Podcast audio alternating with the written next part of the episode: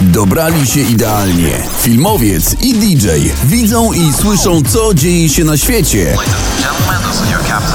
Co tydzień opowiadają o najciekawszych destynacjach, niesamowitych przygodach czy prostych trikach, które ułatwią każdą podróż. Ciekawi świata w Pili Pili Radio. Zapraszają Jakub Tomajczyk i Radosław Wnuk. Dzień dobry, dzień dobry, witamy w kolejnym odcinku Ciekawych Świata. Przed mikrofonami Kuba Tomajczyk. I Radosław Wnuk, kłaniamy się nisko. Dzisiejszy program e, zdecydowanie będzie wybiegał poza granice naszego kraju, jako że jesteśmy ciekawi świata. I wybierzemy się między innymi do kraju, gdzie nie buduje się wyżej niż siódme piętro i nie ma oficjalnej polskiej e, ambasady ani e, punktu konsularnego. Em, Zdradzimy później, co to za kraj, ale będzie dość ciekawie, bo mamy tam naszego polskiego sołtysa. E, Będzie również o bardzo ciekawym gadżecie podróżnika, ale na razie niech pozostanie to tajemnicą. Ciekawi świata. Zapraszają Radosław Wnuk i Jakub Tomajczyk. Chcesz posłuchać naszej audycji z muzyką? Słuchaj nas w Pili Pili Radio. Ciekawi świata. Zapraszają Radosław Wnuk i Jakub Tomajczyk. Jednym z najczęstszych pytań, które zadajemy sobie przed podróżą, wiem to z doświadczenia, jest ile waży moja walizka, szczególnie kiedy podróżuję samolotem. Gadżet tego tygodnia, myślę, rozwiązuje ten problem w 100%. Więc zanim odlecimy e, w dzisiejszy odcinek e, na dobre, chcemy Wam podpowiedzieć o e, naszym gadżecie. Elektroniczna waga bagażowa. Widzę, Kuba, trzymasz taką wagę w ręku. Jak Ci się sprawia ten gadżet? No, tak, ch- chciałem, żeby faktycznie gadżet z tego tygodnia był gadżetem sprawdzonym przez nas. Kliknąłem. Słuchajcie, to jest bardzo prosta rzecz, bo to wygląda jak uchwyt do walizki. Pasek zapinany na szybko złączkę. Zapinamy go na uchwycie naszej walizki, e, zyskując przedłużenie e, tej rączki i klikając guziczek uruchamiamy wagę i podnosząc walizkę widzimy od razu ile ona waży. Nie musimy sprawdzać naszej wagi na lotnisku już w ostatniej chwili, kiedy no właściwie nie mamy odwrotu. Możemy sprawdzić e, wagę naszej walizki zarówno w mieszkaniu, jak i e, na lotnisku, czy przy powrocie do kraju, bo to też jest istotne, kiedy planujemy zabrać ze sobą w drodze powrotnej do domu trochę pamiątek. A gadżet nie jest e, drogi, bo kosztuje 19 zł, więc można obdarować wszystkie bliskie osoby tego typu urządzeniem. Myślę, że mojej żonie taki, taka, taka waga do walizki by się zdecydowanie przydała. No, patrząc na nasze kobiety podróżujące z dużą ilością bagażu, myślę, że tych wag y, trzeba byłoby kupić jednak trochę więcej. A już za chwilę zabierzemy Was do jedynego na świecie kraju na literę O. Czy wiecie o jakim kraju mówimy? Ciekawi świata. Zapraszają Radosław Wnuk i Jakub Tomajczyk. Chcesz posłuchać naszej audycji z muzyką? Słuchaj nas w Pili Pili Radio. Ciekawi świata. Zapraszają Radosław Wnuk i Jakub Tomajczyk. No to nie trzymamy was dłużej z naszą zagadką, jakże intrygującą. Jedyny kraj na literę O to Oman. Znaliście? Ciekawi świata. Zapraszają Radosław Wnuk i Jakub Tomajczyk. No to faktycznie miejsce, y, o którym słyszymy najczęściej rozwiązując krzyżówki, jeśli ktoś y, takowe jeszcze rozwiązuje. Takie hasło często pojawia się w szaradach. y, Kraj na literę O.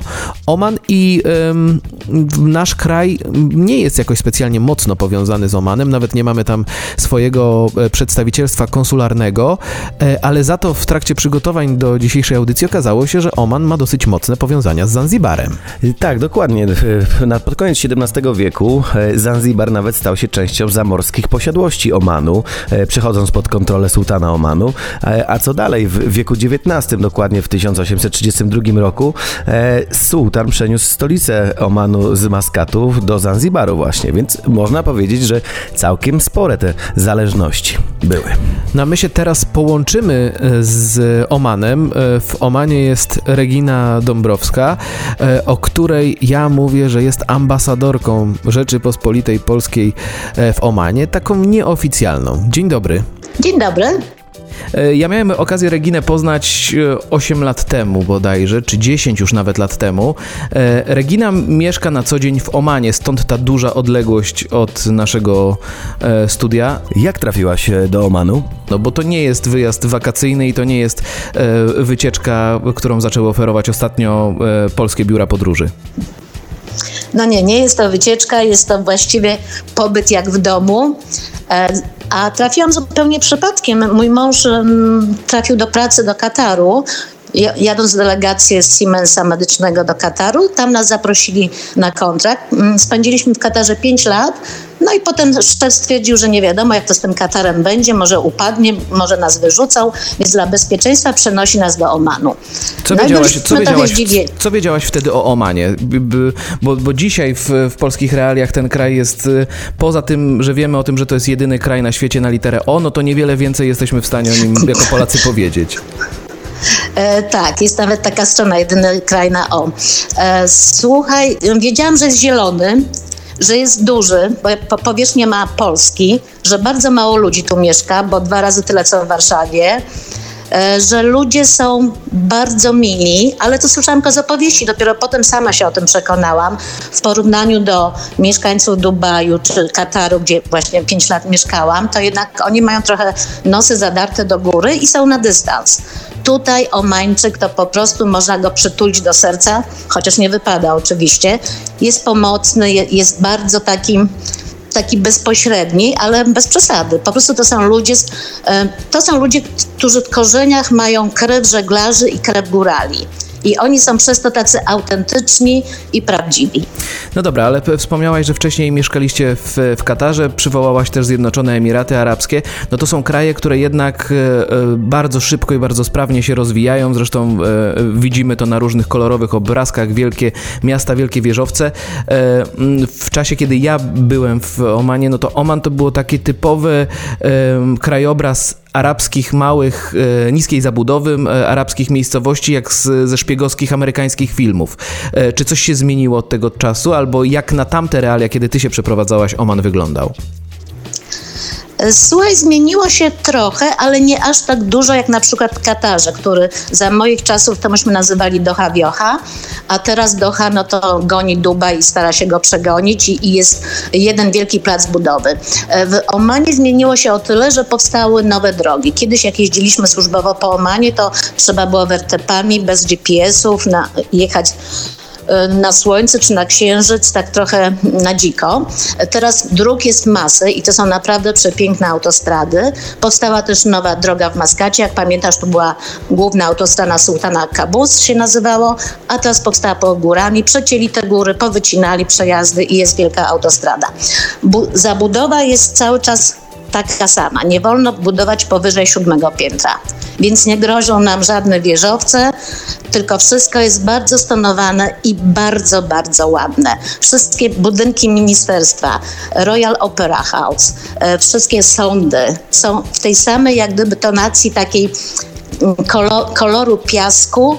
Piękna arabska architektura, naprawdę piękna. No, A jak budowałaś, a propos budowania czegokolwiek, jak budowałaś swoje kontakty i swoje towarzystwo? Bo skoro mówisz, że e, na samym początku Oman to były drogi e, piaszczyste, wertepy, no to przypuszczam, że przy tej ilości ludzi, która mieszka w całym Omanie, e, no, grono znajomych na początku nie było specjalnie duże.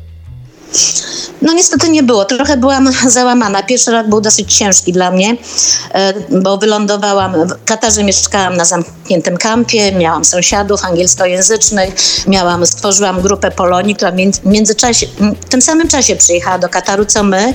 Większość z nich też z Polski po raz pierwszy, więc byliśmy w podobnej sytuacji. Bardzo szybko udało mi się stworzyć grupę Polaków, która się spotykała w każdy weekend. Ja robiłam wigilię dla wszystkich, to było tak około 30 osób na Wigilii, ale oczywiście robiliśmy to wspólnymi siłami.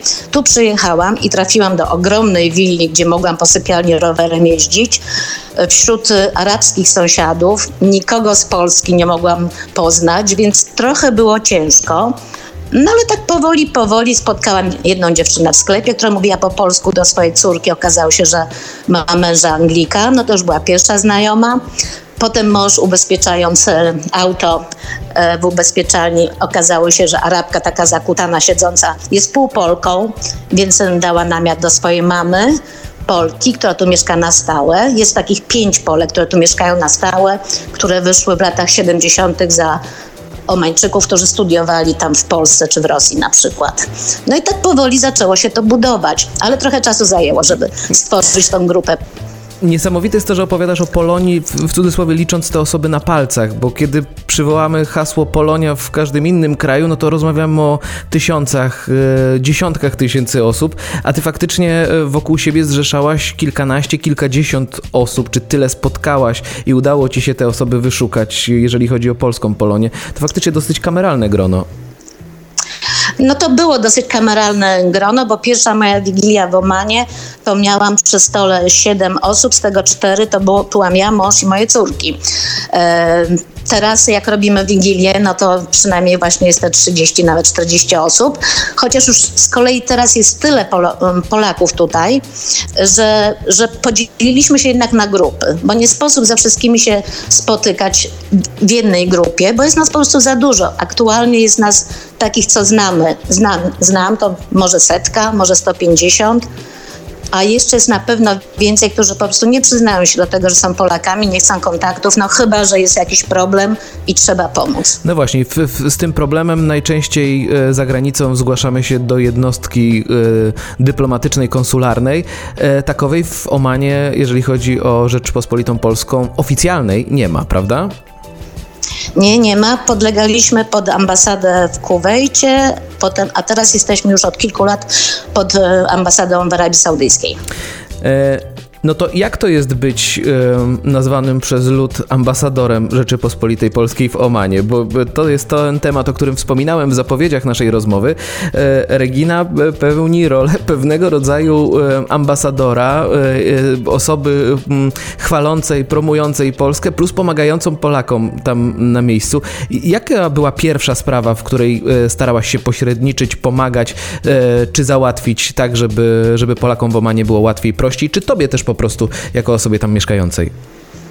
No to ty mi przypomniałeś tę sprawę, bo ja już o tym zapomniałam, to było tak dawno, że już wyparłam to chyba z pamięci. E, no załatwienie roamingu z polskimi operatorami mm, sieci komórkowej. E, udało nam się e, do, dotrzeć do Omantelu, największej firmy omańskiej. Tam akurat pracował Polak, więc on się tym zainteresował, żeby to jakoś przepchnąć oficjalnie. My z koleżanką napisałyśmy maile do tych polskich operatorów z propozycją, że może by się zainteresowali współpracą z Omantelem.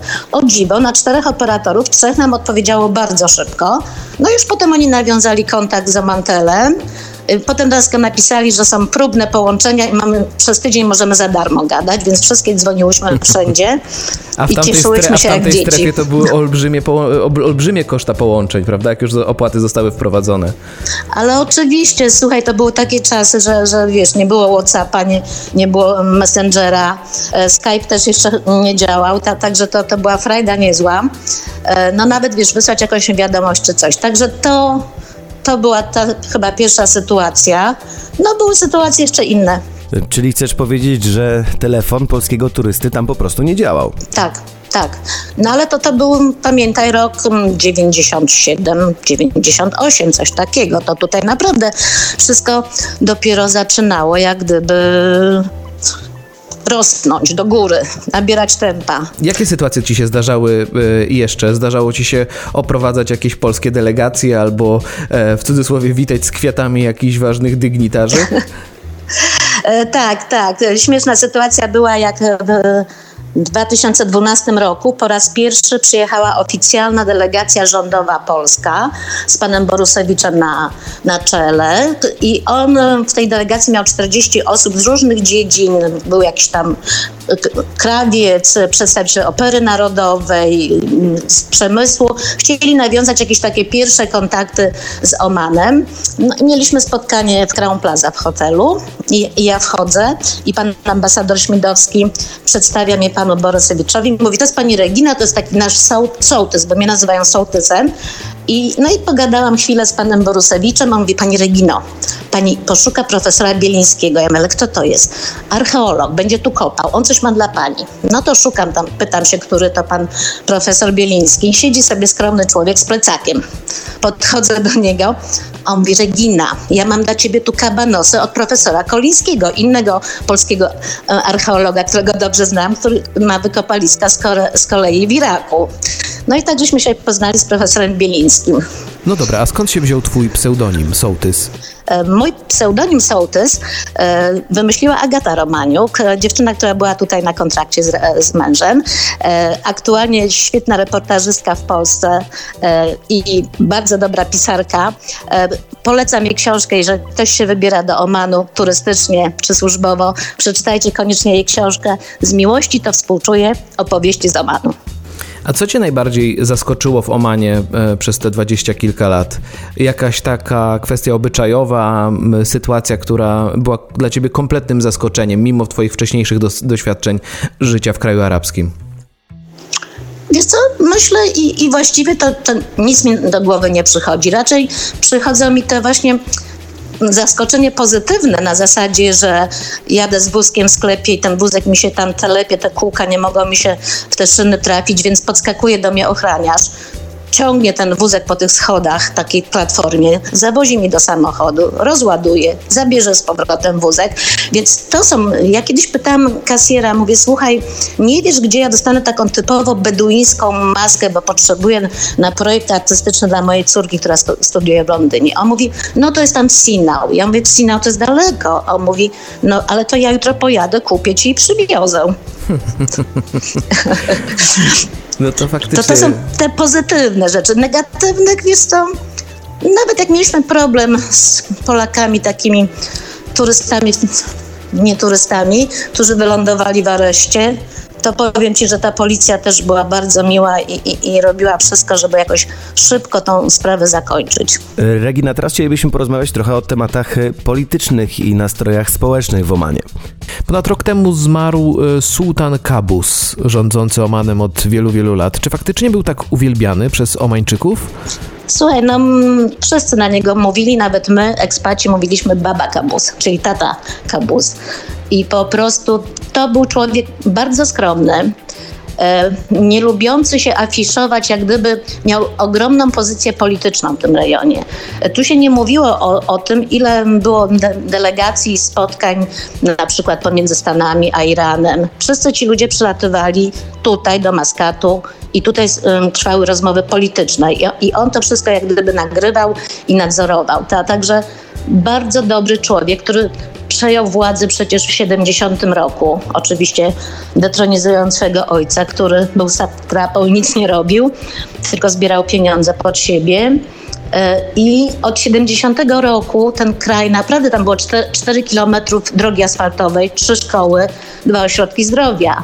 A teraz Oman ma prawdopodobnie największą ilość łóżek szpitalnych na głowę mieszkańca na świecie. To faktycznie przelicznik, szczególnie w dobie e, aktualnej pandemii, jest to, Tak. jest to dosyć e, istotne. A właśnie a propos pandemii, jak aktualnie Oman radzi sobie z tą sytuacją? No powiem Ci, że taki sam bałagan jak wszędzie. To znaczy logistyka trochę nie nadąża za sytuacją dynamiczną. Jesteśmy praktycznie zamknięci od marca. E, Były momenty, że mieliśmy godziny policyjne, były momenty, że miasto nam zamykali. To trochę wprowadziło paniki, dlatego że nie wiedzieliśmy, jak będzie zaopatrzeniem, bo jak nagle ogłaszają, że od północy zamykamy maskat. No dobrze, ale czy zaopatrzenie będzie wjeżdżało, czy nie będzie wjeżdżało? E, Więc był, była tak, marzec, kwiecień to, to były momenty takiej paniki, że tam się robiło zapasy, coś, ale to było zupełnie niepotrzebne. E, Ja uważam, że zaopatrzenie sklepów jest lepsze niż poprzednio, bo jest bardzo regularne. Oman ma własne plantacje jarzyn i owoców, ma własne ubojnie kurczaków i e, krów, ta, także można przeżyć nawet bez dostaw zagranicznych. No trochę jest bałaganu z tymi szczepionkami oczywiście. No ale robią co mogą. Myśmy na szczęście się załapali na pierwszą już um, dozę, także mam nadzieję, że na drugą też się załapiemy. Ta nasza rozmowa też jest w takim momencie, jak mi napisałaś, odpowiadając na, na moją propozycję rozmowy, e, w momencie takim, w który w pewien sposób podsumowuje waszą obecność w, w Omanie. E, Co się dzieje teraz w waszym życiu i em, opowiedz trochę pokrótce, e, przed jakimi decyzjami zostawiliście postawieni.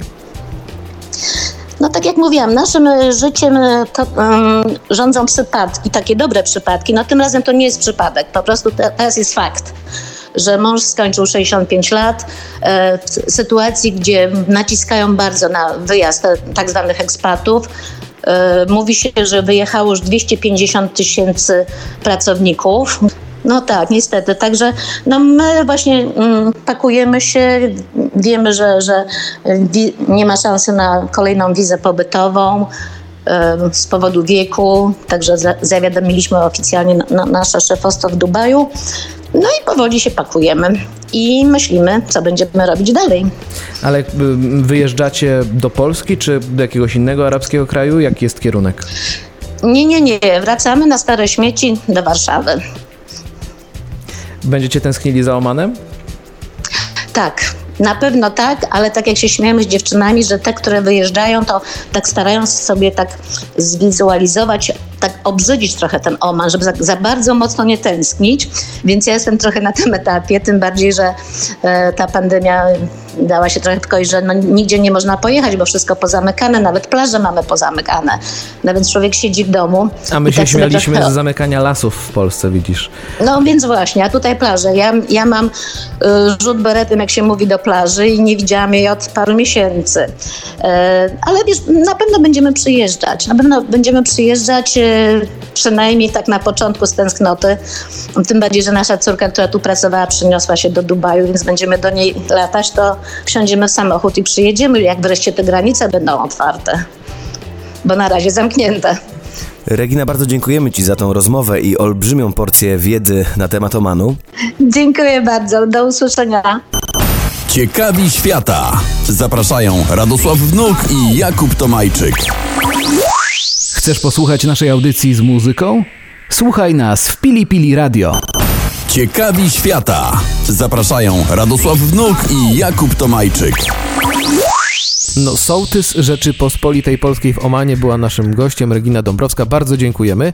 A my e, za chwilę opowiemy jeszcze o tym, jak może pomóc nam konsulat, jednostka konsularna za granicą, ale zanim o tym, Piosenka. Jest to i biznes.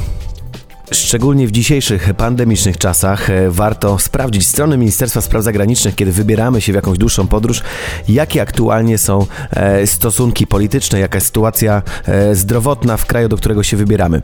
A jakiej pomocy może udzielić Wam konsul?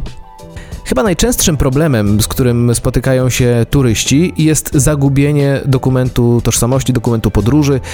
No, paszport koniecznie musimy mieć ze sobą za granicą, a co się stanie, kiedy tego paszportu zabraknie? Trzeba zgłosić się do najbliższej jednostki konsularnej, e, zgłosić fakt nieposiadania e, paszportu, jego zagubienia. Wtedy zastrzegamy e, nasz wcześniej wydany dokument, no i oczekujemy na dokument tymczasowy. Zaraz po tym, jak konsulowi uda się potwierdzić naszą tożsamość, tutaj powo- pomocne będą kontakty e, z Polską, pomocny może być też ksero naszego starego paszportu, więc dobrze takie ksero gdzieś w bagażu mieć, żeby w razie czego z tego skorzystać. Problemów może być więcej. Słyszeliśmy ostatnio o różnych problemach naszych rodaków za granicą, problemów z prawem. No tutaj niestety konsulat wiele pomóc nie może, bo nie może w naszym imieniu zatrudnić prawnika, może pomóc nam się skontaktować z wybranym przez nas e, prawnikiem. Nie może e, nas konsul reprezentować e, w sądzie, ale będzie dbał o to, żebyśmy byli e, w areszcie czy w więzieniu traktowali, traktowani nie gorzej niż obywatele e, kraju, w którym zostaliśmy aresztowani. Regina, nasz dzisiejszy gość, wspomniała o tym, że w Omanie nie ma konsulatu i ambasady Rzeczypospolitej Polskiej. Najbliższa jednostka konsularna znajduje się w Arabii Saudyjskiej. No ale jest też rozwiązanie. Na szczęście Polska jako kraj Unii Europejskiej, e, my jako obywatele Polskiej Unii Europejskiej mamy ten przywilej, że jeżeli w danym kraju nie ma polskiej ambasady, a jest jakakolwiek inna jednostka konsulatu e, innego kraju Unii Europejskiej, to mamy prawo i możliwość zgłoszenia się do nich e, również w przypadku utraty lub kradzieży dokumentu i taki konsul unijny może wydać tymczasowy dokument podróży. E, to się nazywa Emergency Travel Document, e, który umożliwi nam powrót do naszego miejsca stałego pobytu. Więc nawet jeżeli konsulatu e, polskiego nie ma, jest jakikolwiek inny e, europejski, to mamy szansę wrócić jeszcze do domu. Przygotowując się do dzisiejszego programu, em, zastanawiałem się, czy jest opcja pożyczenia pieniędzy od konsula.